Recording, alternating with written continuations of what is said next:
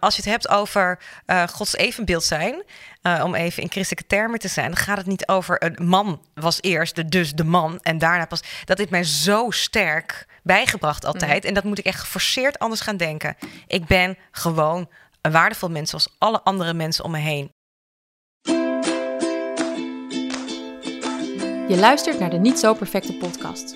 De podcast waarin ik, Eline Hogeboom, soms alleen, soms samen met een gast Praat over een bezield en vervuld leven, ondanks dat het leven niet altijd perfect is. Want uit eigen ervaring weet ik dat dat kan. En ik praat er ook graag over met mensen die eerlijk hun verhaal delen, omdat ik geloof in de kracht van verhalen. Van harte welkom, leuk dat je luistert.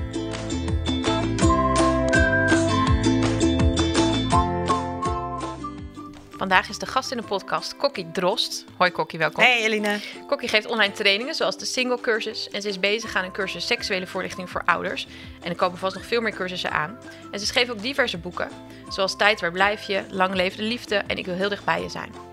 Kokkie werkt ook mee aan verschillende podcasts en is op diverse plekken te, te horen. Kokkie noemt zichzelf ook wel sexfluencer, omdat haar werk inmiddels meer een missie dan een functie is. Ze wil de boodschap van liefde dichtbij brengen door te inspireren, enthousiasmeren en supporteren, Kokkie's woord, bij het aangaan, opbouwen en onderhouden van duurzame relaties. Kokkie is getrouwd met Nico en moeder van vier kinderen in de leeftijd van 11 tot en met 15 jaar. Welkom, Kokkie. Ja, ik ben onder de indruk uh, ja, hoe is mezelf. Zoveel rollen, hè? Zoveel, ja. amper bij te houden. Ik ben ook nog trouwambtenaar, hè? Ja, dit is waar. Ja. Ja, heel erg leuk. Dat is, uh, hoe zeg je dat? De kers op de taart. Ja, hè? Vind je echt leuk om te doen? Ja, het is echt altijd fantastisch. Ja, superleuk. En je komt bij zoveel verschillende mensen echt thuis. Ja. Heel erg Ja, want jij gaat echt naar huis van die gesprekken. Ja. Ja, heel leuk. Want dan leer je natuurlijk echt een beetje hun achtergrond kennen en zo. Ja, en zijn de mensen lekker in hun eigen context. Soms zitten er ook eens wat kinderen bij. Of er lopen honden rond. Of weet ik veel. Vrienden komen binnen. Ja, het is echt altijd Superleuk. Uh, heel leuk om eventjes van echt in het echt te zien. Ja, leuk. Nou, ik ben heel blij dat je bent, Kokkie. Ten eerste omdat ik je gewoon heel erg leuk vind. Maar ook omdat ik echt, uh, het wel echt tof vind om het gesprek aan te gaan over relaties, over seks. Mm -hmm. uh, en dan het niet zo perfecte natuurlijk, want het is wel de niet zo perfecte podcast. um, ik begin de podcast altijd eerst met aan mijn gasten vragen... wat is jouw perfectly imperfect eigen moment? Heb jij een moment afgelopen tijd, misschien al, mag ook langer geleden, maakt niet uit... waarvan je zegt, ja, daar ging het echt even mis? Dankjewel voor dit, uh, deze gelegenheid om al mijn... Uh, toevallig vroeg vanochtend iemand aan mij... Uh, heb jij geen donkere kant, Kokkie? Vond ik een hele leuke vraag. Ja. En toen dacht ik, ja, natuurlijk heb ik donkere kanten. Um, en waar ik ze vroeger verstopte... loop ik er tegenwoordig eigenlijk behoorlijk mee te koop. Gewoon met ja, dingen jij bent die, volgens mij wel schaamteloos. Ja, Redelijk. Ja, ja, nou ja, um, ja, ik ben ook liever schaamteloos dan schuldloos. In die zin dat ik weet van, ja, weet je, het is een utopie om te denken dat je leven perfect kan zijn. Maar mijn grootste... Uh, imperfect moment zit zeker wel in de opvoeding van de kinderen. Hmm. Uh, en helemaal huishoudelijk. Zo was het vanochtend. En moest ik vreselijk om lachen. Um, ik heb namelijk, ja, hoe zou ik het netjes zeggen? Bij de hand kinderen die eigenlijk ik krijg altijd het deksel weer op mijn neus of ik krijg iets terug. Maar vanochtend, je ziet het, ik heb een blouseje aan en dat heb ik gestreken. Wow. En ik strijk eigenlijk nooit zelf, want dat doet of mijn moeder, die vindt dat echt heel fijn. Oh, heerlijk zulke moeder. ja. Of ik strijk niet, want ik heb van Sheer Kuiper geleerd, met wie ik een, een podcast maak. Het leven is te kort om te strijken. nou, dus, maar vanochtend dacht ik, ja, ik kom straks bij Eline te zitten en wij nemen zo meteen nog wat uh, filmmateriaalachtig dingen Mhm. op. Dus ik moet mijn blouseje strijken. Maar ik had dus de, de strijkplank in de kamer gezet, die meteen helemaal vol stond. Um, maar die, en ik was aan het strijken, maar die strijkbout bleek niet aan te staan. En toen zei mijn dochter, haha, mama die is 40 en die weet niet eens hoe een strijkbout werkt. Dus dat was mijn uh, mooie grote moment. Heerlijk, heerlijk. Ja. En toen heb je er even voor gedaan dat je het toch al wist. Je blouse ziet er wel goed uit. Nou, ach ja, weet je, het leven is echt te kort om te Ja, strijken. hè? vind ik ook echt. Nou, toevallig heb ik dit blouseje dus ook gestreken. Oh. Ja, ik denk dat ik het ook echt eens in de vier maanden een keertje doe. Dan ligt er een enorme stapel. Mijn moeder doet het ook. Die past bij ons ook eens in de twee weken op. En dan wordt ze altijd een beetje gestreken. Oh ja. Het wordt wel steeds minder. Want zij ziet volgens mij ook dat ik die stapelkleding ook niet echt lijkt te missen in die drie maanden. Dus volgens mij denkt zij ook nu van... Nou ja, wat is het nut ervan? Ja, nee, ik ben het helemaal met, met Shirk eens gewoon. Ja, nou, Ja. ik onthoud die woorden g- graag. Ja. Maar dit is ook wel echt een van mijn, mijn lievelingsbloesjes. Dus, Hij is ook eh, wel echt heel leuk. Ja, het is met bloemetjes en zo. Dus ik word daar Ja. helemaal blij van. Ehm, maar dat was, eh, ja, maar dat Fijn. is ook wel het leuke met kinderen. En als ik dan nog iets kwetsbaarder ga, want dit was dan nog wel veilig, dan is het echt af en toe dat ik mezelf eh, verlies, dat ik te veel prikkels krijg van mijn, van mijn kinderen en dat ik dan echt wel mijn stem kan verheffen. Dan voel ik me echt één grote oh, weet je, ik heb het weer even niet onder controle. Ja. Ehm, maar ja, ik, ik merk wel, en dat is dus even terugkomen naar heb jij geen donkere kanten, eh, dat ik ze ken en dat ik ze eigenlijk niet in het donker wil houden, maar in het licht wil brengen, waardoor het geen ja, dreiging meer is of zo. Ja. Ja, en waardoor het ook herkenning oproept bij mensen, denk ik. Dat vind ik ook, ook Ja. mooier aan dat jij zo open over seks, maar ook over jezelf en over je schaduwkant dan maar om het even zo te noemen bent. Ja. Ja, met minder. eh, ik heb het altijd over je, eh, je pixelpalet. Zoals een foto bestaat uit miljoenen pixels, bestaan wij ook uit miljoenen pixels. En alles wat jij ooit meegemaakt hebt, wat je hebt gedaan, ehm, je, je DNA-pakket, je persoonlijkheid, alles, alles wat jou jou maakt, zit in jouw pixelpalet. En waar ik in het verleden bijvoorbeeld tegen bepaalde pixels probeerde te strijden. Eh, van, oh, dat mag ik niet voelen, daar moet ik beter in zijn. Ehm, ik moet ook niet zo emotioneel reageren. Weet, al, dat, al dat soort dingen, denk ik nu, maar wacht even, dit is onderdeel van wie ik helemaal ben. En in plaats van ehm, dus die emoties of die, die dingen niet te voelen, laat ik ze nu gewoon er zijn. Maar ik neem er ook wel meer verantwoordelijkheid voor. En soms zorgt dat ervoor dus dat je dan wel weer jezelf even hebt verloren. Of inderdaad tegen je kinderen hebt eh, geschreeuwd. Of een tik hebt uitgedeeld. eh, zelfs heel zelden hoor. En altijd alleen maar heel zacht. Maar dan. ehm, dan komt het er dus wel op, aan dat je ook jezelf confronteert met: oké, dit is een van mijn pixels. Ja. Dit was niet goed. Ik kan ook makkelijk zeggen: oh ja, zo ben ik nou eenmaal, dus bekijk het. Nee, dit is wel iets waar ik wat mee moet. Uh, maar het maakt me zoveel milder dat ik niet meer vecht tegen een onderdeel van mezelf, maar dat laat bestaan. Ja. En dan ook gewoon op een milde manier zoek van: hé, hey, wacht even. Waarom ben je zo kort af? Waarom reageer je zoals je reageert? Ja. Dus, dus daar meer naar zoeken dan naar um, dit mag ik niet zijn of dit moet ik aan niemand laten zien, bij Ja. wijze van spreken. En hoe is dat bij jou gekomen? Ik vind het wel mooi wat je, wat je zegt. Het gaat eigenlijk meteen over het, ja, het niet perfect in jezelf uh, Mhm. omarmen. Om maar even zo lekker de kotstermen in te gooien. Maar ehm, Ja, ik ben enorm in mijn kracht gaan staan ja, de precies, dat soort afgelopen dingen. jaren. Ja, je hebt het helemaal omhelst allemaal. nee, maar hoe is dit gekomen? Dat je, dit is toch een proces, denk ik. Het is niet iets wat je van de een op de andere dag kan. Nee, ja, nee joh. Ik, weet- als ik even naar mijn, mijn proces kijk, ik ben ehm, denk ik wel heel. ehm, ja, toch wel zelf kritisch opgevoed. Ik denk dat veel mensen, zeker ik kom uit een reformatorisch milieu. ehm, voor de mensen die dat niet kennen, dat is een, een christelijke stroming waarbij je vooral ja, veel wordt stilgezet bij je eigen gedachten, bij je eigen wil. En ehm, dat je daar een soort van tegen moet strijden. Dus je bent eigenlijk al van jongs af aan ben ik heel erg bezig geweest met wat ik wel of niet mocht denken en mocht voelen. Um, me daar ook altijd heel bewust van geweest. Veel regels ook, hè, zijn er. Ja, ja, maar die, die regels vond ik dan weer minder bedreigend dan mijn eigen gedachten en Mm. gevoelens. Omdat ik dus altijd wel mijn leven lang al dat, dat laagje dieper van nature gewoon aanboorde. Van, oh wacht even, maar dat mag ik eigenlijk dus niet denken of voelen. Um, en dat wist ik toen niet. Ik heb gewoon een, maar ik ben vrij sensitief. Ik, mijn, twee van mijn vier kinderen zijn gediagnosticeerd met ADHD. En ik vermoed dat ik wel weet van wie ze het hebben. maar ik heb mezelf nooit officieel laten testen. Maar Nee. eh, ik herken heel veel van alles voelen, alles opmerken, alles zien. En ook heel bewust zijn van eh, sfeer ergens. Eh, dus ook wat andere mensen van me denken. Dus dat zit er al van jongs af aan heel sterk in. En dat is eigenlijk heel lange tijd een, een dreiging voor mij geweest. Ook ik, als ik kijk naar foto's van mezelf van, van, van vroeger, dan zie ik toch wel een beetje angst in mijn ogen. Ik was altijd soort van bang. Eigenlijk heel zielig als ik terugdenk. Ja. Doe ik het wel goed genoeg? Mag ik hier wel zijn? Zitten ze wel op me te wachten? Allemaal van dat soort gedachten. Terwijl je tegelijkertijd toch vol- volgens mij, nou ja, zullen we het maar gewoon vertellen. Ik heb je natuurlijk jou al op de middelbare school eh, zien, zien eh, rond eh, springen. Wij zaten allebei op Van Lodenstein College. Jij 6 VWO'er, ik eerste, brug, eerste klas, brugklasmeisje. Kwam je toch altijd over als wel iemand die lekker springt in het veld, wat je nu eigenlijk ook nog wel bent. Was dat dan een soort buitenkant? Of Nee. was je dat ook wel echt al? Ja, zeker. Ja. Ja. Ja, ja, Dat zat al heel erg in mij, ook mijn leven lang. Ehm, maar ik merkte in mijn eh, context, en dan heb ik het even over vooral de, de, de kerk. ehm, ook wel thuis, zeker bij mijn broer en zussen ook wel. Mijn moeder was er ook, had er ook wel iets van. eh kokkie val niet zo op. Hm. Doe niet zo overdreven. Maar op school kreeg ik juist vrienden als ik mezelf was. En ik was daar heerlijk vrij. Dat- Ja. Ik denk ook wel terug aan mijn middelbare schooltijd. Daar kon ik echt wel mezelf zijn. De school was voor mij dan een soort van uitlaatklep. Dat ik lekker echt gewoon, joehoe, hier ben ik. Ja. Tegelijkertijd voelde ik ook wel, dat ze jij wel herkennen. Als meisje moet je toch echt wat meer ingetogen zijn. Ja. En niet zo overdreven doen en alles. En dat, dat heb ik ook wel heel sterk ervaren. Eh, zeker toen ik dus verkering kreeg met, eh, met Nico, mijn huidige eh, fantastisch lieve man. Ehm, Die, je dus al vanaf school kent. Ja, Ja. vanaf vijf VWO al, inderdaad. We zijn echt al zo lang samen. Hm. Je schijnt ook steeds meer op elkaar te gaan lijken, hè? Ja, klopt. Ja. Dat zie je wel vaak bestellen. Ik weet het niet zo goed bij jou Nico, maar je ik ziet het wel eens bij mensen. Ja, ik vind hem wel steeds knapper worden. Dus wat dat betreft heb Oh, ik... goed. ja, Hij jou ook, hoop ik. ja, Vast wel. ja. Innerlijke schoonheid komt steeds meer weet ik veel. Nee, maar... ehm, Nee, maar even terug naar dat. ehm, Nou, dat- Ik dit- vind het wel leuk dat je dit zegt, want ik, ik moest er ook nog aan denken. Wij zagen elkaar vorige week bij een lunch.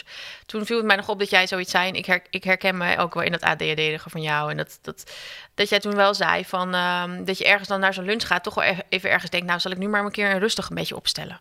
Maar dat kun je gewoon niet, want jij bent gewoon iemand die verhalen vertelt, die aanwezig is. En, maar toen dacht ik, hé, hey, ik herkende dat dus wel een beetje, dus het viel mij op van, voel je dat dan toch soms nog? Dat Ja, gevoel van, zeker. zal ik niet te veel Ja. zijn? ja. dat zul je wel herkennen. Dat, Heb dat ook, blijft ja. altijd. Ja. Maar dat zit in mijn pixelpalet. Precies. En dat mag er zijn. Ja. Ehm, dus dat ben, daar ben ik me bewust van. En tegelijkertijd weet ik ook wel dat mensen het juist heerlijk vinden dat ik ben wie ik ben. En Je bent ook een sfeermaker daarmee. dat denk ik, ja. Ja. Dus, dus dat heeft twee kanten.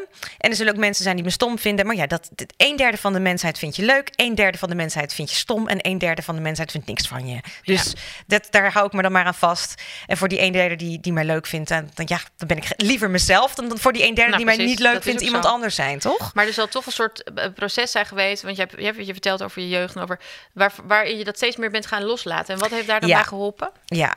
Ehm, nou, ik denk verschillende factoren wel hoor. Sowieso, weet je, als je, als je Eline, dat is nog heel ver weg voor jou. Maar als je 40 bent geweest. Heel ver weg. nee. Ik heb jouw leeftijd net ook niet genoemd trouwens. Hè? nee, nee, maar ik loop er zelf mee Mocht te koop. wel. Dat Ja, zit ja, ook ja. in mijn, eh, in mijn eh, omarmingsproces.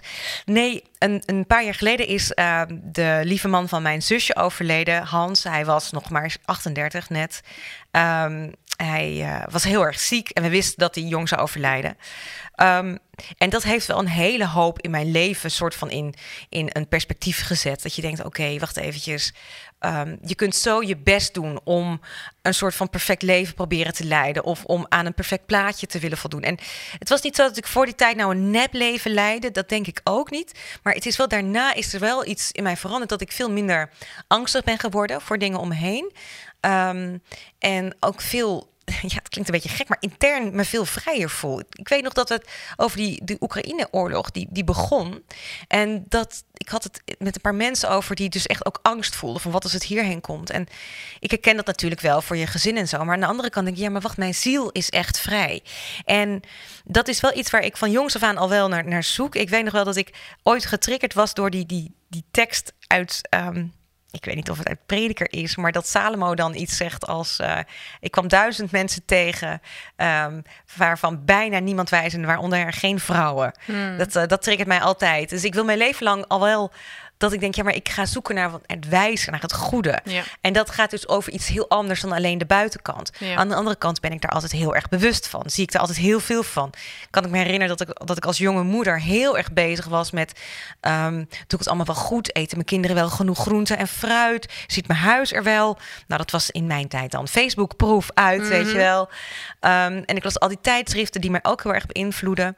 En ik merk dat ik dat zoveel meer heb los kunnen laten de laatste jaren. Dus ook het, het omarmen van dat pixelpalet. En dat het inderdaad af en toe maar niet perfect hoeft te zijn. En aan de andere kant, eh, ik hou van, van dat mijn huis wel netjes is. Nou, voor wie doe je dat? Nou, voor mezelf. ja, maar je vindt het zelf fijn. Ja. En heb jij ook, eh, nou ja, ik wil niet zeggen last, maar zijn er mensen in jouw omgeving die dat moeilijk vinden? Dat jij dat daar bijvoorbeeld open over bent of dat je, dat je eh, durft te delen waarover jij zegt, ja, dit is bij mij niet perfect, dit laat ik zo. Zeker. Ehm, moet ik wel eerlijk bij zeggen dat ik me daar niet echt door laat weerhouden. Dus ik, het kan zijn dat mensen gewoon een beetje afstand van me houden. eh, maar dat, ja, dat merk ik dan amper, omdat Ja. ik maar doordraaf met mijn, tussen aanhalingstekens, evangelie.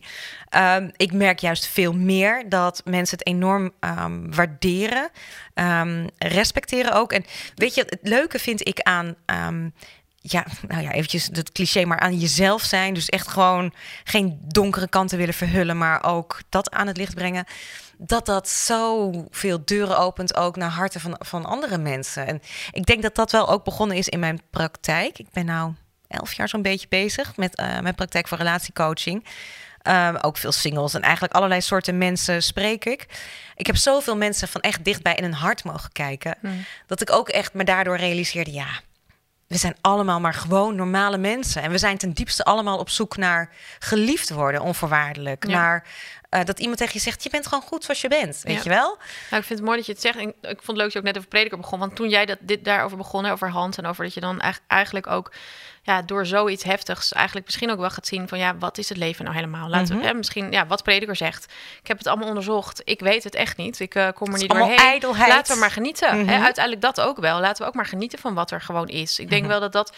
Nou ja, helemaal... eh, als je uit een Calvinistisch eh, gezin komt, dat genieten soms best lastig is. Of eh, trots zijn, of weet je wel, dat, dat soort dingen. Je mag dan ook niet trots zijn op, je talent. Of, dan, dan is dat soms best ingewikkeld om ongestoord te kunnen genieten of zo. Mhm. Terwijl dat uiteindelijk toch wel is wat prediker zegt. Hè? Proef en geniet en neem die wijn maar en doe maar. Ehm, dus mooi dat je dat net, net, net zei. En dat het uiteindelijk dus bijdraagt aan ja, het, juist het niet perfecte omarmen. Want Mhm. uiteindelijk is het, wordt dat denk ik minder belangrijk of zo. Hè? Als je dit soort dingen meemaakt. Als je gaat zien van ja, het, het kan ook zo afgelopen zijn. Of, dan wordt het denk ik minder belangrijk. Wat is nou, het? ja, dat ook. Ik zag juist ook vooral in die eh, laatste momenten van, van zijn leven. Hij was heel erg ziek, hij had een hersentumor. ehm, dat mijn zusje en zijn ouders, en trouwens mijn ouders ook, zo om hem heen stonden. Dat ik echt dacht: deze jongen die is eh, geliefd geweest. En volgens mij draait het daarom. Toen de World Trade Centers eh, torens instortten, toen gingen mensen niet ineens nog gauw al hun beleggingen verkopen, maar ze gingen hun geliefde bellen. Ja. En dat zette mij zeker stil. Ehm, en ook ontroerde het me en dat ik zie wat een levenslust mijn, mijn zus nog steeds heeft. Weet je, het hoeft je ook niet uit het veld te slaan. En zeker ook dat je je realiseert van ja, je mag, je mag zeker genieten van het leven. Maar ook, en dat was toevallig gisteren zat ik met mijn kinderen naar een kerkdienst te luisteren. Eh, en toen waren we met elkaar aan het bidden en zo. En toen zei ik tegen ze: Eigenlijk hebben jullie het maar getroffen. Dat jullie gewoon van jongs af aan al leren praten met, met, met God. Ik zeg: Er groeit, eh, er groeien miljoenen kinderen op die nog nooit met een, met een God hebben gepraat. Die geen idee hebben ervan. Want jij praat over Calvinistische opvoeding en zo. En zeker. ehm, ik denk dat ergens wel wat baby met het badwater is weggegooid. toen alles zo eenvoudig moest worden. Toen zijn we vergeten te genieten als christenen Mm. even heel generaliserend gezegd. Aan de andere kant vind ik het wel een eh, cadeautje dat ik al van jongs af aan me bewust ben van een ander universum dat overstijgend is. Ehm, en soms weet ik het ook niet. hè. Ik heb nog een, een, een paar weken geleden had ik echt een existentiële crisis dat ik dacht ik weet niet meer wat ik geloof. Hm. Ik heb alles alleen maar meegekregen vanuit mijn verleden, maar wat geloof ik nou echt zelf? Weet Ja. je wel? Ja. Maar terugkomend naar. ehm, en ook inderdaad dat, dat, dat mijn zwager is overleden. eh, en het bidden gisteren met mijn kinderen. Ook wel vaker hoor trouwens voor de mensen thuis. Het is niet dat ik helemaal eh, losgeslagen. Ehm dat is, van de buitenkant al ziet het er allemaal keurig uit. Ehm, eh, maar het zijn eventjes wel momenten dat ik me realiseer. Het is ook gewoon een. ehm, wel een voorrecht dat je gewoon van jongs af aan al meekrijgt dat je. Dat, dat er iemand is met wie je altijd kunt praten. ja, Dus- dat is ook zo. Ja, jij zult ook al veel in jezelf praten. Mhm. Dat is, ik vind Tegen mezelf. ja, vind ik Ja. heerlijk. Ja. Ja, en, maar Ja. ook op die manier probeer ik met God te praten. En ja, noem het maar gewoon een soort van wandelen met God. Ja. Ja. En soms is het gewoon lekker met mezelf hardop. En, en, en maar altijd de wetenschap, want er is iemand die hier ook bij is. En in plaats van dat het bedreigend is, van doe je het wel goed genoeg? Mhm. Ben je wel goed genoeg? Is het, ah, Ja, je mag het laten gaan. je hoeft niet zo ik vind het mooi perfect dat je dit zijn. zegt. Ja, je hoeft niet perfect te zijn. Maar ik vraag ook een beetje door naar jou. eh, hoe, hè, hoe ben je er dan los van gekomen? Ik had de afgelopen week een, eh, een dag met twintig vrouwen vanuit Filafie. Waren we bij elkaar. Dat ging over je levenshuis. Dus over ehm, eh, hoe gaat het op alle gebieden van werk, relaties, gezondheid, vrije tijd delen. Maar eigenlijk ook hoe gaat het met jezelf? Waar sta je? Ehm, en alleen vrouwen. Dus ik, ik merk toch bij vrouwen altijd een... Daar wil ik het zo ook nog wel met jou over hebben. ehm, echt een gevoel van, ja, mag ik dit überhaupt deze tijd voor mezelf nemen, hè, al zo'n dag? Maar gaandeweg de dag kwamen alle verhalen los en merkte ik bij vrijwel elke vrouw dat daar toch een gevoel zit van, mag ik er zijn? Mag Mhm. dit er zijn? Ook Mhm. wel bijvoorbeeld bepaalde pijn die ze, die ze hadden, hebben, dat ze eigenlijk toch vaak wel zeggen, ja, maar ja, ja, het valt toch wel mee. Of eh, ik, heb het misschien wel verwerkt. Het mooie vond ik op het evaluatieformulier. Ik denk dat ongeveer twee derde had opgeschreven bij de, wat ze hadden meegenomen van de dag. Is ik mag er zijn. Terwijl dat was niet zozeer mijn hoofdthema van die dag. Het ging meer over, hey, ben je in balans, eh, dat. Uiteindelijk zat dat er eh, toch meer achter. Maar denk ik ook dat de behoefte van vrouwen daar dus heel erg ligt. En merkte ik ook, er waren ook een aantal vrouwen uit reformatorische gezinnen. Er was er eentje van 43 waar vader nog steeds tegen haar zei... dat ze die groene nagellak bijvoorbeeld niet moest doen. Nou, zo, zo reformatorisch is het bij mij nooit eh, geweest. Bij jou denk ik eigenlijk ook niet zo streng. Maar ehm, het loskomen dus van ouders, dat dat ook nog steeds dus, dus soms moeilijk is voor vrouwen Mhm. van in de 40, 50 zelfs. Mhm. Uh, maar dus uiteindelijk echt het gevoel van er gewoon helemaal mogen zijn. Mhm. Zonder ja, dat je dus van alles moet of op een verantwoording af moet En leggen. dus ook met je pijn. Ja. Je mag er ook helemaal zijn met alles wat bij je hoort. In, maar dat is voor veel vrouwen echt nog wel heel erg Ja. ingewikkeld. Ja. Merk jij dat ook? Want jij, jij spreekt ook veel stellen en, en Ja. mensen. Ja. ja, dat, dat, dat ouderwetse ehm rollenpatroon, noem het toch maar even zo, is Mhm. nog ontzettend actueel in de hele maatschappij. Dat is niet eens per se christelijk, eh, hoewel het natuurlijk eh, in de toch wat patriarchalere religies ja, gewoon ook nog steeds wordt doorleefd, wordt geleefd. Hè? De man Mhm. boven de vrouw, dat zul je herkennen ook. Ehm, nou, wat jij zei van mag ik er zijn? Ehm, dat is wel iets wat, wat toevallig, weet ik niet, wat ooit bij mij ook een eye-opener is geweest. Ik was op een of ander soort van trainingsdag van mijn ehm, beroepsvereniging. En ik weet nog wel dat ik in gesprek raakte met, een, eh, met iemand. En we moesten dus met willekeurig iemand uit de zaal... moest je dan soort van je hoofdvraag voor je leven gaan bedenken, weet ik het. Wow, Ja, big. tien minuten, alsjeblieft. Ja, Veel plezier. ga maar. Ja, ja, En ja. gooi je ziel maar op tafel. Ehm, en bij mij kwam eruit, ik wil graag mogen zijn. En ik had iets anders geformuleerd, maar dat haalde zij eruit. Vond ik heel scherp. Hm. En ehm, wij praten even door. En dat bleek eigenlijk een vraag te zijn die generaties terug al was. Hm. Dat actueel was. En ik heb gelukkig, want jij had het net over... ehm, eh, hoe reageert je omgeving? Mijn ouders bijvoorbeeld vonden het allemaal best wel spannend. En mhm, deed mijn moeder dan. En mijn vader die grijnsde zo'n beetje. Wat vond je spannend? Jouw werk bedoel je? dat je Ja, over over seks seks en praten? zo. Ja, ja. Ja, ja, ja. Ehm, maar inmiddels, vind, dat vind ik echt fantastisch, zijn ze helemaal nieuwsgierig en ze lezen van alles Ja. en ze leren ervan. En ook hierover heb ik het met mijn moeder bijvoorbeeld uitgebreid. Over dat er mogen zijn. En haar moeder had ook die innerlijke drive die ik een beetje heb. Van, hallo, of een beetje heb. Waar ik schaamteloos mee te koop loop. Die had zij ook al een beetje. Van, ik wil graag mogen zijn. Ik heb ook wat te vertellen. Maar mijn oma mocht er nooit zijn. Die werd helemaal klein gemaakt. En het was niet het goede nest. Eh, mijn moeder had ongeveer hetzelfde verhaal. Joh, wat heb je nou te vertellen? Hè? Wie ben je nou? Ja. Ehm, en ik merk dat dat aanvankelijk dus bij mij ook werd geprobeerd van hey, niet te koop lopen, niet trots zijn, niet te opvallen. Maar ja, dat was bij mij geen houden aan. Dat was niet, wel. dat kon, dat kon niet. Maar het eh, is wel een soort loskomen uit generaties ook dus. Hè? Nou. en wat die hebben meegekregen. Want en dat en dat zo. heeft denk ik dus echt te maken ehm, met die patriarchale religies waar we in het Westen jaren, eh, wat eeuwenlang, gewoon mee te, te dealen hebben gehad. En Mhm. dat moet je niet onderschatten, wat een enorm stempel dat, dat op de hele ja, man-vrouw verhouding nog steeds Mhm. drukt. En dat is wel iets wat bijvoorbeeld door de Voice eh, wel weer pijnlijk duidelijk is geworden. Dat zo'n John de Mol dan zegt, nou ik hoop dat vrouwen eerder aan de bel trek- trekken. Hmm. Dat, gelukkig was er nu veel algemene verontwaardiging. Dat hij dus de verantwoordelijkheid bij de vrouw legt. En, maar Ja. dat zit in zoveel dat je op hele kleine manieren als vrouw toch ietsje Ja. of jezelf omlaag haalt of eh, door anderen omlaag wordt gehaald. Ehm, weet je, dat, dat, dat, dat, die quote van ehm Albright, hè, er is een speciaal plekje in de hel voor vrouwen die elkaar eh, naar beneden Ja, halen. ja. Zoiets is het. Echt, hè? Dat kaagt dat ook altijd weer. Goed. Ja. Dat, daar zit heel veel in. Ehm, ik weet niet of jij dat herkent, maar ehm, als vrouwen hebben we ergens op de een of andere vreemde manier een neiging om ehm, als een vrouw opstaat en straalt, om daar een beetje van, hij moet je haar zien. Ja. Als mannen dat doen, oh leuke vent, kijk hè, weet je wel dat. Ja. Ehm, Elkaar een beetje klein willen houden om onszelf soms groter te voelen. Dat, dat is denk ik vaak wel aan de hand. Dat, typisch dat is dat. onzekerheid is. Ja, ehm, en dat kun je wel zeggen. oh, dat zit dus in vrouwen. Nee, dat zit ook weer in het systeem dat je als vrouwen voelt. Je zit in de ma- deze maatschappij al op een soort van achterstand. Dus je moet jezelf harder laten horen. Ik heb bijvoorbeeld ehm, had altijd een hekel aan mezelf op feestjes, want ik maak altijd de grootste lol en de grootste grappen.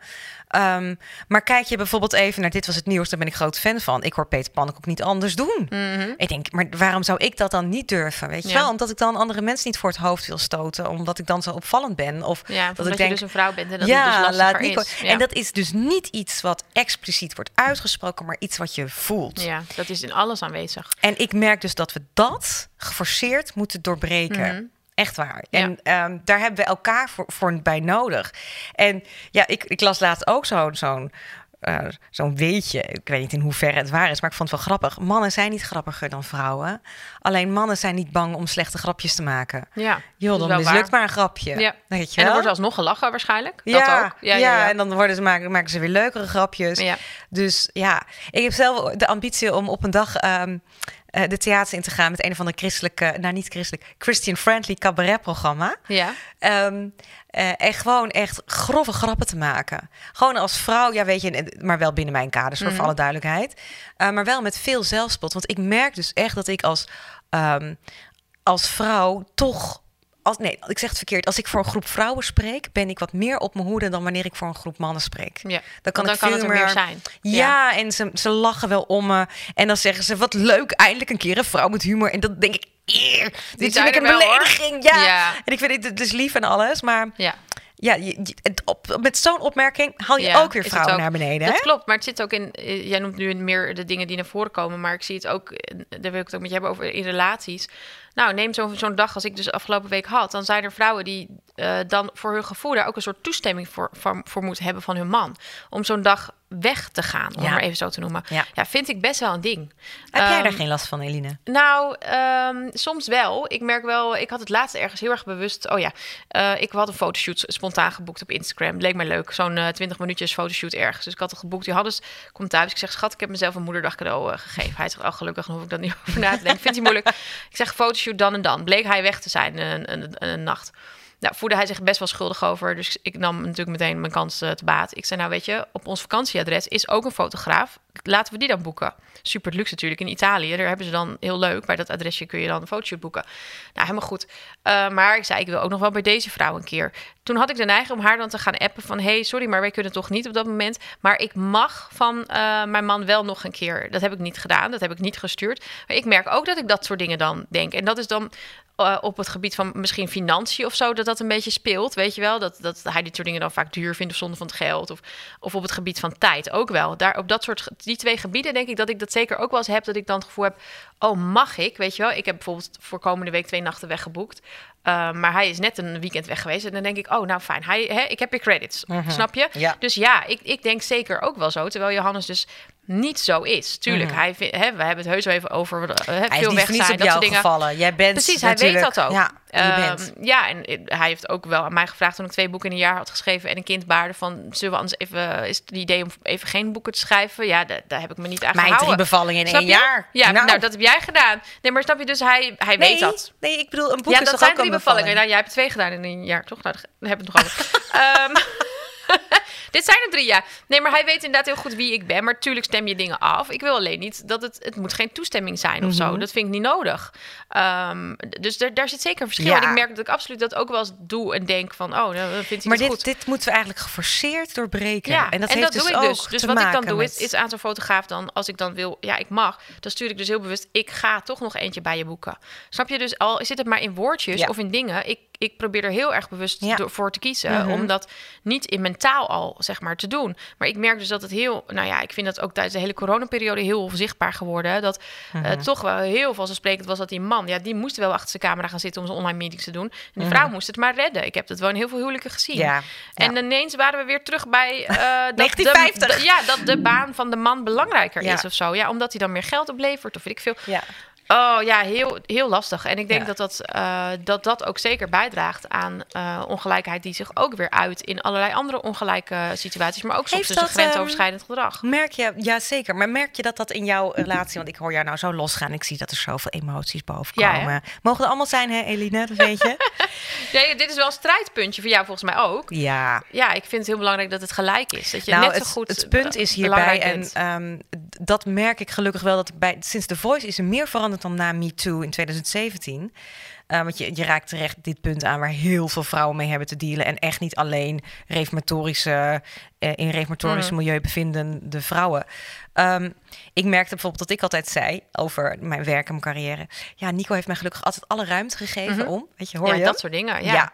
En eh, dat ik mezelf nu echt van dat ik dat zo zei. Want ik doe er eigenlijk ook Nico mee tekort. ja. Want ik heb ook echt een kerel die. Zo zit die- hij er ook helemaal niet in. Nee, hij, is ook, hij komt echt uit een heel streng milieu. Eh, ik weet nog dat zijn ouders ook echt niet blij waren dat ik bijvoorbeeld studeerde.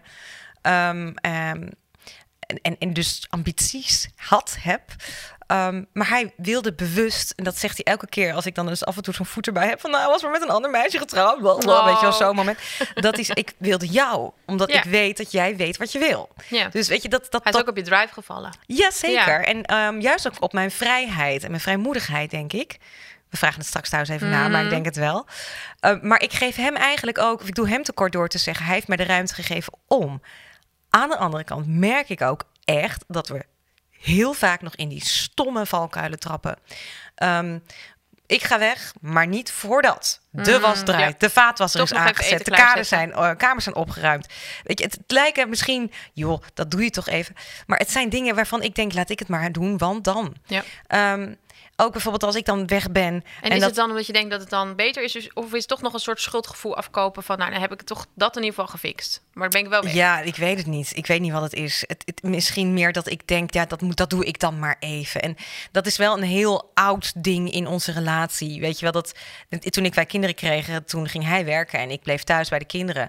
Uh, dat vond ik echt niet leuk hoor. Want ik, dit, ik, ik vind niks zo vermoeiend als de hele dag allemaal kinderen om je heen. Mhm. Want al die prikkels en, en ze kunnen niet een goed gesprek met je voeren. Ik vind pubers nu bijvoorbeeld. Super heftig. Dat is gewoon lekkerder, want je kunt lekker met ze Ja. gewoon sparren. En Ja, dat, is, dat lijkt mij ook. Ik merk nu met. Lopke al. Dat ik denk, oh, je kunt jezelf aankleden. Ik kan gewoon dingen met jou bespreken.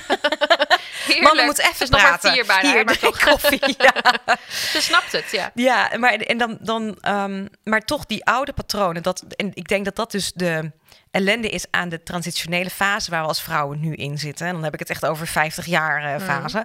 Dat aan de ene kant sinds de jaren 50, 60 van de vorige eeuw is natuurlijk die emancipatie begonnen. Ook dankzij um, anticonceptie is het niet meer vanzelfsprekend dat je zwanger raakt van kinderen. Mm. Veel meer vrouwen gaan werken. Dat heeft voor een hoop vrijheid gezorgd.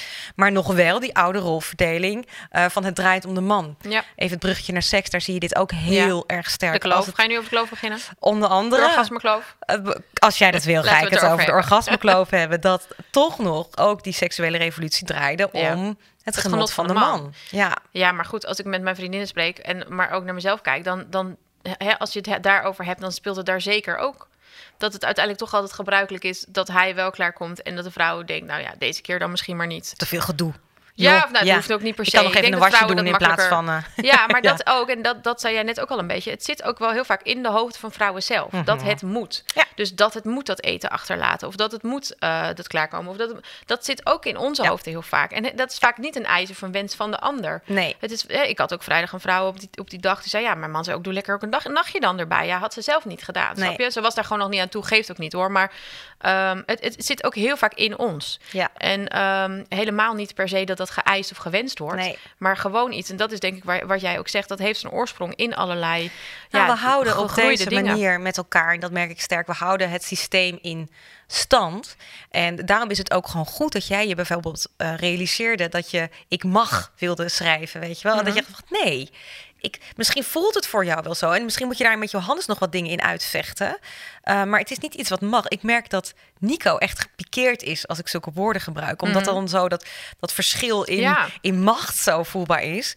Uh, maar ik heb ook echt aan moeten kaarten in onze relatie. Dat het toch nog vaak vanzelfsprekend is. Dat, dat hij bijvoorbeeld, hij moet studeren. Hij laat alles vallen. Want hij is een studie aan het Mhm. doen weer. Leuk, wat weer voor het eerst. Hij laat alles uit handen vallen. En hij gaat daar ik ga pas weg nadat ik Ja. alles, weet je, met Ja. sporten bijvoorbeeld ben ik eh, eh, gaan doen. Vind ik ontzettend lastig om gewoon te gaan terwijl er nog eh, vaat op het aanrecht staat. Ik waar gaat het over? Ik bedoel, Ja, dit zit echt in ons heel vaak. ja, Omdat we ehm, dat onszelf omdat denken dat het onze verantwoordelijkheid alleen En? maar is. Ja, dat. En we hebben dus, en dat is met die transitiefase waar ik het over had. We hebben dus aan de ene kant, ehm, we kunnen carrière maken, we kunnen werken. En aan de andere kant hebben we ook nog die zorgtaken. Dus voor de emancipatie van de vrouw, dat is nog steeds gaande, is het niet alleen nodig dat de vrouwen meer gaan werken, maar ook dat de mannen meer vanzelfsprekend gaan zorgen. En, maar dat is echt een hardnekkige Ja. patroon in onze hele maatschappij. En ik denk echt, weet je, ehm, het gaat er niet eens om, misschien ken je het wel, dat je je wil best wel aan je man vragen: wil je misschien even stofzuigen, schat? Want dat wil die man best doen. Maar dat je het moet vragen, dat je Ja. het moet bedenken, die mental load, Ja. dat is ook iets. En ik merk wel dat ik dat soms dus echt bewust, bewust moet vergeten. En het ik verschrikkelijk, want ik denk eraan, maar ik daar. En, en, en dat is dus inderdaad het geforceerde wat ik af en toe Ja. wel moet doen. Ja, ik doe het als ik mijn planner aan het invullen ben op zondag. Schrijf ik ook altijd mijn mental load dus op. Dus hè, wat jij noemt, die dingen. Mental load is niet zozeer alleen maar de taken, maar wat er ook in je hoofd dus zit aan eh, cadeautje voor die attentie. eh, eh, om even daar aandacht aan te geven aan die.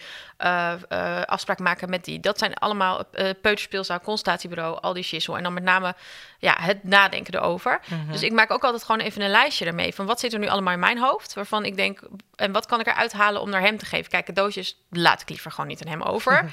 Boodschappen bestellen liever ook niet. Dus ja, dan, blijft er ook, hè, dan blijven er andere dingen over die ik wel aan hem overlaat. Uh, maar dat is dan ook mijn eigen keuze om dan soms wel iets meer op me te nemen. Maar dan is het ook een bewuste eigen keus. Mhm. Terwijl als het altijd maar inderdaad, ja, um, uh, ja je, het is ook wel echt een kwestie van uitspreken, is mijn ervaring. Mhm. Wij hebben ook wel samen die test bijvoorbeeld. Er is een hele leuke test van um, Volkskrant volgens mij. Die heeft ons echt. Uh, die Is heeft dat die de mental load test? Mental load test. Ja, het is echt Mhm. een aanrader. Als je googelt, vind je hem wel. Want ik heb hem aan al mijn vrienden aangeraden. Mhm. En hij is zo confronterend. Hij komt altijd echt uit op 80 voor de vrouw en Ja. 20 of zo voor Ja. de man. Ja. Um, omdat mannen heel vaak denken, ja, maar ik doe al best wel veel. Maar het gaat dus niet zozeer om doen. Het gaat dus met name om Denken. denken. En het gewoon denken. de verantwoord wat jij nu zegt, het, het gevoel hebben, de verantwoordelijkheid hebben, toch die vaat nog te doen. Mhm. Of dan maar zeggen, oh maar schat, ik doe het anders wel straks hoor. En nee, ik vraag ga me gewoon. ook wel eens af, ik weet niet hoe jij daarover denkt, Eline. Ik heb altijd geloofd en ook wel gepredikt, ja, mannen en vrouwen zijn nu eenmaal verschillend.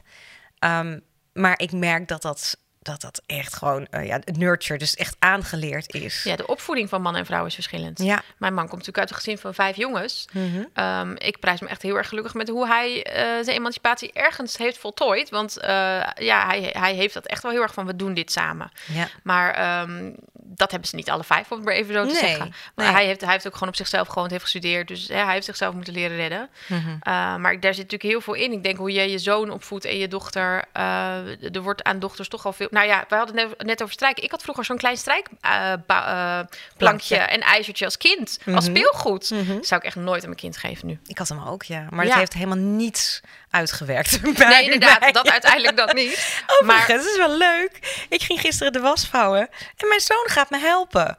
Mijn dochters niet hoor. Ach, die doen ook weer andere dingen. Maar ik, Ja. dat vond ik wel, denk, ja, ik, nee, helemaal niet geforceerd. Dat kwam hij gewoon doen en ik vond het gezellig met hem. Ja, is ook even een leuk moment waarschijnlijk samen. Ja, weet je, en ja, goed, het, het is niet, de was vind ik dan weer, ja, nee, ik vind eerlijk gezegd de was, het is één grote, eindeloze Sisyphus klus en het houdt nooit op. Maar op. goed, Maar eh, wat doen wij hier? Want jij, ik noem jou wel een paar keer, eh, hoor jou een paar keer noemen van, nou, maar we zijn wel in een soort transitie, Mhm, er gebeurt ja. wel wat. Oké, vertel. Ja. Waar gaan we heen? Hoe er gaan we dit doen? verschillende lagen. Ik denk allereerst zit het natuurlijk in je ziel, het houden van jezelf en echt weten, hallo, ik ben, ik ben mens. Ehm, als je het hebt over eh, Gods evenbeeld zijn, eh, om even in christelijke termen te zijn, dan gaat het niet over een man was eerst, de, dus de man en daarna pas. Dat heeft mij zo sterk bijgebracht altijd. En dat moet ik echt geforceerd anders gaan denken. Ik ben gewoon een waardevol mens zoals alle andere mensen om me heen. Eh, zeker ben ik ook vrouw en ik omarm vrouwelijkheid, maar dat heeft helemaal niets van doen eh, met mijn waarde als mens. En dat heeft ook alles te maken met dus het kennen van mezelf en met mildheid naar mezelf kijken. En dus ook gewoon, kokkie, hallo, ga maar staan met je persoonlijkheid, met je karakter, met je, met je vreselijk slechte grapjes of soms hele goede. Nou, dat is best leuk. Ja, nou, ik heb dus, weet je, net, net moest mijn man kaart om me lachen. En dat doet mij toch goed. Ja. En ja, en hij heeft ook wel eens dat hij denkt dat er iemand anders een grapje maakte. Dat was vroeger dat hij er harder om lachte dan wanneer ik het maakte. Ja, weet je wel? Dat vind ik echt verschrikkelijk. Ja. Ik ben, ik ben gewoon, nou, nou, dat soort stomme dingetjes. Maar dat is ik echt merk, hallo, ik ben hier. En dat is dus wel iets, een gedachteproces dat ik bewust moet maken. Ja. Dat ik Ja, durf dus wat je te gaan forceren staan. eigenlijk af en toe. Forceren. Maar Ja. het begint dus echt met die basis van jezelf houden. Ehm, en dus echt ook je pixelpalet kennen. Mhm. Uh, dat met mildheid omarmen. Dat betekent overigens niet van... oh, dit ben ik nou eenmaal en iedereen take it or leave it. Weet je wel? Dat is, dat is zo ehm, egocentrisch Mhm. gedacht. Je hebt echt te maken met mensen om je heen. Maar dat is voor heel veel vrouwen, denk ik met name ook een valkuil... dat je er te veel aan denkt. Ja. Dus het heeft ook dus... eventjes haal ik er graag bij... het, het liefhebben van jezelf is minstens Mhm. zo belangrijk... als het liefhebben van anderen. Dat is een hele belangrijke... eh, voor mij wetenschap die ik mezelf regelmatig ehm, weer moet eh, vertellen. En daarnaast dus echt het bewust doorbreken van dit soort kleine dingetjes. Mhm. Ik kreeg de ruimte om. Ehm, kan ik dit grapje wel maken? Ik merk echt, eh, ik had laatst op Insta, dat, dat was eigenlijk wel een grappige samenloop. Want ik had net een column geschreven over vrouwen hebben geen humor. En ik had eh, die avond een of andere post gezet op Insta dat ik... veeg me op, ik sta hier soep te koken voor de zondagmiddag. Wie had het ooit gedacht? En er reageerde een van mijn volgers heel, ehm, ja, eigenlijk een beetje gepikeerd op dat ik zo eh, deed.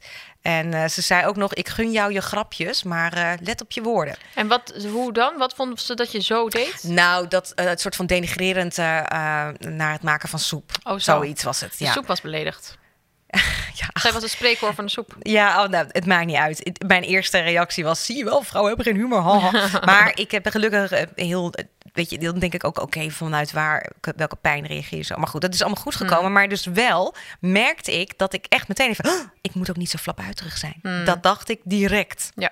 Je En- gaat het eerst bij jezelf zoeken. Uiteraard. Ja. En dit gedachteproces moest ik dus ook weer eventjes tackelen. En het, is, het klinkt alsof ik altijd alles bewust doe, maar je kent me, ik ben een flap, flap uit, impulsieve, Mm. met van de bovenste plank. Ehm, maar het, het gaf me wel gelegenheid om hier ook weer van te leren. Oké, ehm, jij mag je grapjes wel maken en je zult mensen kwetsen, klopt. Ja. Ehm, maar als je dat probeert nooit te doen, dan, dan verstikt het je. Ja. En vaak zijn dat de, eh, de tralies die wij onszelf, waar we onszelf achter verstoppen, zijn de behoeften of de verwachtingen van de ander. Ja. En dat moet ik ook geforceerd leren doorbreken. Ja. Ehm, daarbij zit voor mij ook wel als het gaat over hoe je die man-vrouw patronen door, doorbreekt. Ehm, ja, ik ben nu bijvoorbeeld ook bezig met het maken van een eh, vrouwencursus, maar die komt pas na de zomer uit. Maar dat is echt een speciale cursus voor mannen, eh, waarin ik juist bepaalde vrouw, man-vrouw verschillen ga duiden als, kijk, ja, weet je, dit is ook voortgekomen vanuit een verwachtingspatroon dat je als man hebt van de vrouw. Ja. Dus we hebben ook mannen nodig. En dat Ja. wilde ik, ik denk ik een half uur geleden nog zeggen. Die luisteren ook hiernaar. Ja, Ja. zeker gelukkig wel, want ik ben echt dol op mannen. Hallo Ja. mannen, ik ben dol op jullie. 30% dus. Ja, en dan krijg je van die vrouw die zegt, ik zal mijn man nooit naar jou toe sturen, weet je wel? Oh ja? Ja, die zien in mij een hele enge verlijster. maar goed, even Te terug. leuk, dat je te leuk bent daarvoor. Ja, natuurlijk. En omdat ik zo Oh. makkelijk over seks praten, weet ik veel. Oh ja, ja. Eh, Ja. Maar even terug naar de, wat er bij de Voice gebeurde. We hebben mannen ook nodig. Ja. En bij de Voice zag ik, mannen zijn ook verontwaardigd. Ook mannen zeggen, dit is gestoord. Ik maak bijvoorbeeld die podcast met Sjerk en, en Joram. En Dit is de week is dat, hè? Deze week, Deze ja. week, ja. En dat zijn echt zulke leuke kerels. En die, die zeggen, wat, wat moeten we doen om, om dit te doorbreken? Want het is niet normaal, weet je wel? Dus je ziet ook wel een, een nieuwe generatie mannen opstaan... die ehm, dit ook niet wil, die ongelijkheid. Maar ik merk nog wel eens, bijvoorbeeld bij Nico, mijn man... dat hij zich dan persoonlijk aangevallen voelt. Ja. Van, ben ik seksistisch? Nee, natuurlijk niet. Maar we hebben jullie nodig om dit te doorbreken. Anders krijg je van die, van die feministische bitches... die alleen maar komen vertellen... jullie Nee, doen dit precies, fout, moet dat samen. we houden met elkaar dat hele systeem in stand. En kun je daar dan eens iets over zeggen? Even gewoon om het even naar relaties terug te, te brengen. Want dit, dit is ook maatschappelijk. Maar ik ben ook wel heel erg benieuwd van hoe jij in relaties dit ziet. Ik vind het heel mooi wat je zegt van het zijn vaak de, eh, we verstoppen ons vaak achter tralies van Mhm. behoeften van anderen. Ik heb ook het idee dat het heel vaak een, een geval is in relaties waar het niet goed gaat, dat er uiteindelijk niet eerlijk voor je eigen behoeften Ja. opgekomen wordt. Ja. Ehm, want zie jij dat dit soort dingen ook speelt? Dit scheven eigenlijk in Ja. relatieproblemen? Ja. wat, wat is het eigenlijk? Wat, even gewoon terug. Wat is nummer één probleem wat je ziet in een relatie? Laten we daar gewoon even beginnen. Nummer één probleem in relaties is dat je niet genoeg van jezelf houdt. Ja, als ik het echt helemaal terug moet brengen naar één term. Ehm, en dat heeft natuurlijk allerlei verschillende uitwassingen, laat ik het zo maar even eh, zeggen. Ehm, weet je, wat, wat we vaak doen in relaties, en dat is eigenlijk heel natuurlijk, maar niet per se gezond, is dat we onszelf verantwoordelijk maken voor de behoeften van de ander. Ehm, ik ben niet gelukkig en daar moet jij wat aan doen. Dus je hebt soms ook nog wel dat een ander de, de, de, de ander verantwoordelijk maakt voor Ja, zijn behoeften. ja. Ja. En de kunst is dat je in een goede relatie een gezonde balans hebt tussen aan de ene kant autonoom zijn, dus weten wat je pixelpalet is, weten wie je bent, weten wat jij nodig hebt. En dat is niet iets van de een op andere dag dat ontstaat, Ehm, maar ook oog hebben voor de behoeften van de ander. En daar rekening mee houden. Maar niet vanuit een beklemming van, oh, want anders ben ik niet goed genoeg. Ja. Maar vanuit een. eh, Liefde eigenlijk. Ja, vanuit gulheid en liefde. Ja. Gewoon van oog hebben voor de ander. Maar dat vraagt natuurlijk om het kennen van jezelf. Van je eigen ziel, je, je pixelpalet. Maar ook om dat van de ander te kennen. Ehm, en dat, dat, dat zie je natuurlijk niet aan iemand af. Daarvoor vraagt het echt dat je goed met elkaar communiceert, goed met elkaar praat. En dat je je zo veilig bij elkaar voelt dat je ook dus de diepste, donkerste krochten van je ziel aan de ander durft te laten zien. En daar zit, wat mij betreft, ehm, toch wel vaak al scheefgroei. Dat we soms denken, laat ik dat maar niet vertellen, want dat vindt die ander waarschijnlijk niet oké. Of dat je inderdaad probeert eh, die ene pixel maar weg te duwen, want die is niet goed genoeg. Daar moet je Ja. tegen vechten. Ehm, dat je in relaties ook vaak merkt dat mensen heel goed zijn in zeggen wat de ander misschien anders moet doen. Of ja, maar jij doet dat ook heel vaak. Dan moet je eigenlijk anders doen, weet je wel. In plaats van logisch dat je zo doet. Ja. Maar het heeft vaak een, even grootse woorden gebruiken, een destructieve, eh, effect. Ja. Alleen, weet je, wat ik nou vertel, dat, dat klinkt misschien theo- theoretisch prachtig, maar de praktijk is natuurlijk veel weerbarstiger. Mhm. Ehm, maar wat ik bijvoorbeeld bij, me, bij mezelf merk, want je gaat vragen, Kokkie, hoe dan? Toch? Ja, ik hou Ja. praktisch. Ja, ja, ja. ja, ik merk het. Is dat ik eh, eigenlijk, zodra ik merk dat ik mezelf een beetje aan het verliezen ben. En dat voel ik vaak in mijn, in mijn lijf. Rugpijn of nekpijn of hoofdpijn of zo. Dat ik echt even stil moet staan van waar- waarin geef ik te veel energie? ja. Ehm, want het kost mij energie als ik mijn best moet doen om iemand anders te zijn dan ik eigenlijk ben. ja. En dat vind ik zo perfect aan imperfect durven zijn, kunnen zijn. Dus dat, heeft, dat is eigenlijk meer dan alleen het omarmen van je imperfecties. Maar het is gewoon ook ermee dealen. Ja, klopt. Eh, en ieder mens heeft zijn eigen imperfecties. Hè? Ik bedoel, ik heb bijvoorbeeld een enorme neiging om ehm, bij mijn man heel veel bevestiging en waardering te zoeken. Mhm. Ehm, en dat, ik weet nog dat hij laatste keer zei: Is het dan helemaal nooit genoeg? Nee, het is helemaal nooit genoeg, schat. Sorry. Meer, meer. Ja, daarvoor ben je toch ook met me getrouwd? Dat vond je toch zo leuk aan me? ik vraag altijd aan het eind van het weekend, doen wij altijd een rondje hoogtepunten in het weekend. Wat, wat was voor je het leukst? Ik heb nu na vijf jaar zo ver gekregen dat hij dat af en toe uit zichzelf aan mij vraagt. Want eerder was het natuurlijk altijd zuchten. Gaan we weer met het reflecteren van jou. Nu vraag ik ook wel eens, wat vond je dit weekend het leukst aan mij? En? Nou, dan noemt hij altijd wel wat. Vond het leuk hoe jij eh, die, op, die, die opvoedsituatie deed met Lop of eh, dat soort dingen. Ja, Hij noemt altijd wat. ja, eh, ja, nou, ja dus ik, ik snap Dit het. is Dus niet per se, Ik heb, dit soort, ik heb mijn behoeften dus ook ingebed in mijn, in mijn evaluatierondjes. Nou, wat ik dus merk is dat Nico soms niet verder komt. En ja, ik, ik hou gewoon van je. Dat is natuurlijk ook. ja, precies. Nee, concreter graag. Ja, ja je wilt precies letterlijk. Ja, weet je. En ik merk wel dat dus die behoefte, die sta ik me toe om er te mogen zijn. Ik kan me daar ook wel eens in verliezen hoor. Mhm. Zeker. Ik heb bijvoorbeeld ook een pikseltje dat heel erg van rosé houdt. En als ik veel rosé heb gedronken, dan gaat het heel erg. Dus dat, maar dan moet ik mezelf Mhm. Ja, echt even tot de En je orde moet roepen. natuurlijk, de ander moet in die zin ook weer niet verantwoordelijk zijn voor jouw bevestiging en jou. Dus En dat is, het, aan. dat is het precies. Dus weet je, soms verlies ik me er zelf wel in. En dan ga ik er te ver in door. En dan ehm, merk ik van echt, ko- Kokkie, nu even op de rem. Ehm, wat ik soms ook merk, is dat ik gewoon stilte nodig heb. Ja. Zoals gisteravond, toen waren we bij vrienden uitgenodigd. Die wonen vlakbij voor een heerlijke taart. Zei ik, wil jij gewoon lekker gaan met kinderen? Mag ik lekker thuis opruimen? Heerlijk opgeruimd. Meteen Voel van je de dat. Dat je ze alleen laat gaan? Al lang niet meer. nee, dat is echt voorbij gelopen. Nee, dat is Ja. echt. Ik ben, eh, ik weet nog wel aan het begin van dat wij dus die kinder eh, jungle eh, Hmm. kregen. Binnen, binnen vier jaar hadden wij de vier, dus dat ging echt keihard. Ja. Toen voelde ik me echt heel vaak nog tekort schieten. En ik merk ook wel dat ik toen nog wel in een milieu zat waarin het leek alsof iedereen met twee vingers in de neus tien kinderen opvoedde. Hmm. Ehm, daar heb ik me echt ook fysiek van losgemaakt. We zijn Ja. verhuisd vanuit dat dorp naar eh, de stad Renen. Ja. Renen is wel echt een stad. Is dat een stad? Ja, Eh, en, maar dat had ik dus echt nodig om me ook vrijer te kunnen voelen. En dan hoor je mensen zeggen, ja, maar Kokkie, dat zit toch in je, in je ziel, in je hart, hoe vrij je voelt. Ik merkte dat ik dit ook echt nodig had om me toch nog vrijer te kunnen, kunnen Ja. voelen. En eh, soms voel ik me nog steeds een beetje een soort van opstandige puber. Die dus, nou, ik ga het lekker gewoon wel doen. En, maar dat sta ik mezelf ook regelmatig toe. Omdat ik dat jaren Omdat niet mag. Ja. gedaan heb. Nee, precies. En, maar dat is wel mooi wat je zegt. Ook soms fysieke afstand. Ik denk ook met ouders of zo dat het soms ook gewoon kan helpen. Zeker om je los te weten. maken. Ja. Ja. Ja, dat is wel echt verdrietig. Ik heb toevallig van de week een lijntje op Twitter zitten volgen, een draadje.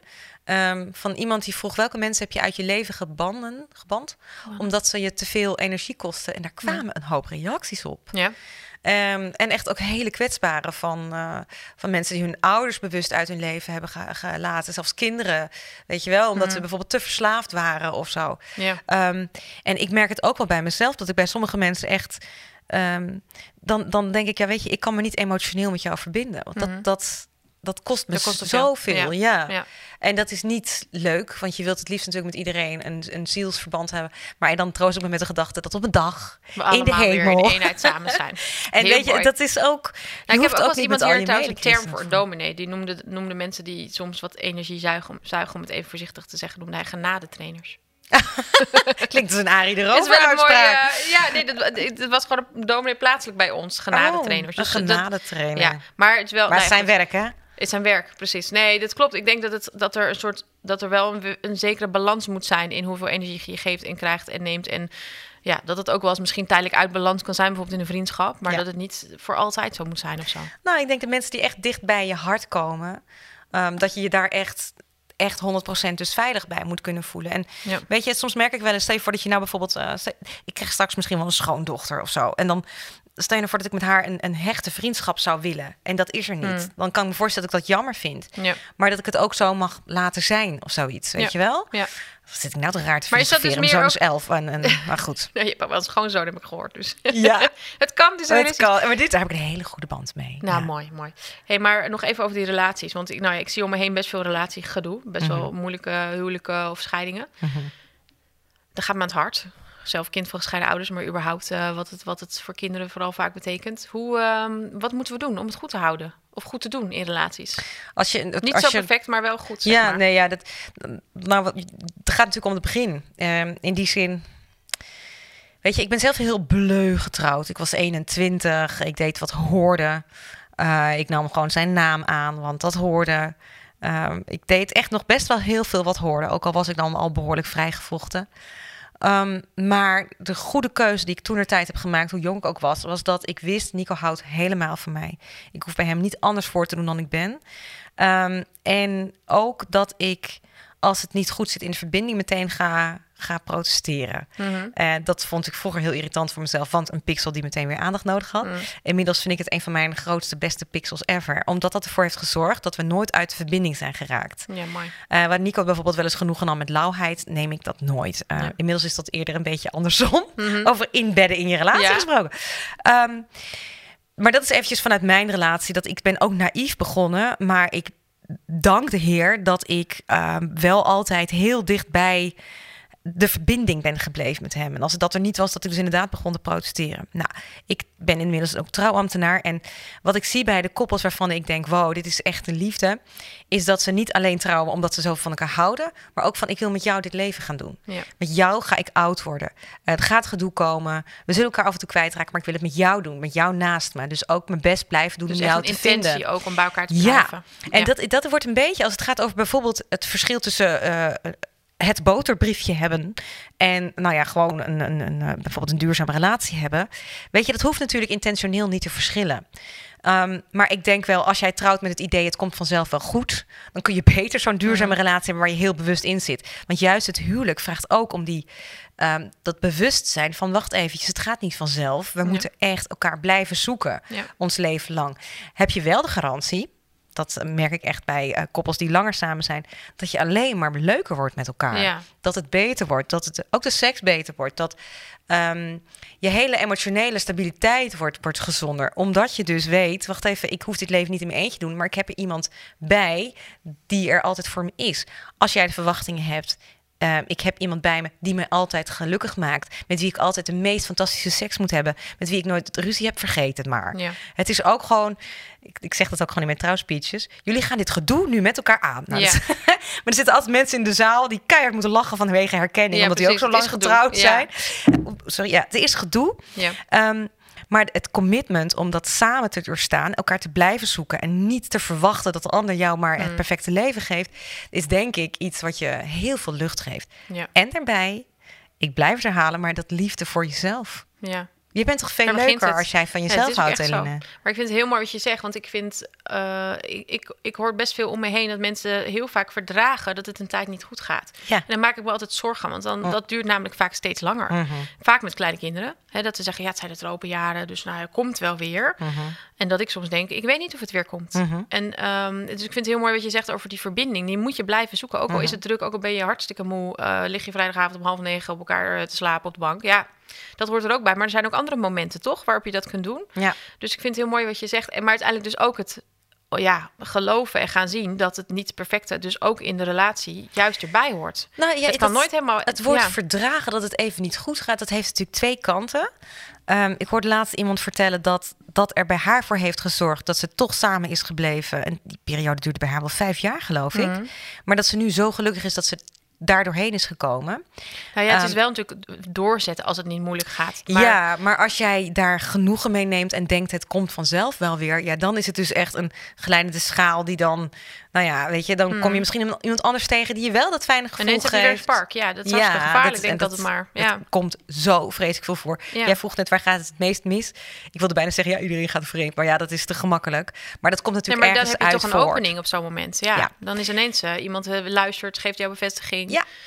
En als je denkt dat je als gelukkig gevr- getrouwde eh, vrouw dan wel man daar immuun voor bent, nou, vergeet het. Ja. Zeker op dat soort momenten. Dus weet je, het, ik denk dat je beter kunt zeggen: het mag een tijdje niet gewoon, eh, of gewoon even niet fantastisch zijn in je huwelijk. Als je maar wel blijft uitspreken: we gaan elkaar weer vinden. Ja. Ehm, ik, Nico die is campagneleider geweest voor de eh, verkiezingen. En ik merkte dat hij daar ontzettend druk mee was. Hij had ook nog zijn gewone baan. Hij had ook nog zijn studie. Ehm, en hij zei ook gewoon, Kokkie, ik ben er even niet. Ik, en, maar we gaan elkaar weer vinden. Hmm. Ehm, en dat, dat gebeurt dan gelukkig ook. Maar alleen al dat uitspreken en elkaar ook ruimte geven om dus even zo druk te zijn. Ja. Weet je wel? Ja. Want wat ik nog wel de neiging heb, als ik het mega druk heb, dan voel ik Mhm. me schuldig. Ja. ja, dan ga ik dat wel even verantwoorden. Ja. En voor hem is het, ja, denk ik, ja, dit is zo. natuurlijk, jij moet natuurlijk wel eh, Ja. ontwikkelen. Ja. Ja. Ja. ja, Dat je toch de ander dan meer ruimte geeft. Ja, dat is wel even goed dat je me hier weer even op wijst. Interessant. Nico, als je luistert, ik ben er deze week Ja, even nee, niet. ik ben heel druk. Ze blijft hier. Zijn heel druk. hey, eh Kokkie. Ja, ik, ik kan nog heel veel met je bespreken, maar ik Mhm. ehm, vind het heel interessant. Ik hoop dat we ook eh, hebben mee- ja, weer wat hebben meegegeven op het gebied van relaties. Want ja, dat is jouw missie, dat zeg je ook. Mhm. Ja, ik denk ook dat dat het belangrijkste is, zo ongeveer wat er is. Wat jij zegt, de de liefde voor jezelf houden, maar ook oh, de verbinding met anderen. Dat is uiteindelijk wat leven waard maakt. Mhm. En daar heb jij, jij bent wel echt on a mission, dus ehm, ga vooral zo door, zou ik Doe zeggen. ik. Dankjewel, ja, echt mooi wat je doet. Dankjewel. Graag gedaan. Thanks.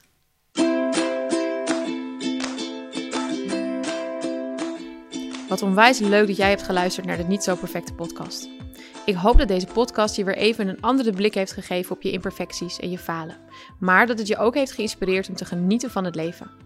Misschien wil je wel verder lezen? Dan kun je bijvoorbeeld mijn boeken Not So Perfect of Filosofie lezen die ik heb geschreven over deze lessen. En wil je nog een slagje dieper gaan? Overweeg dan eens de Filosofie Academy. Dit is een intensief programma van drie maanden waarin ik je leer hoe je ermee omgaat als het leven niet zo loopt als je had gedacht. In 12 online modules ontdek je wat een bezield leven dicht bij jezelf en bij God inhoudt.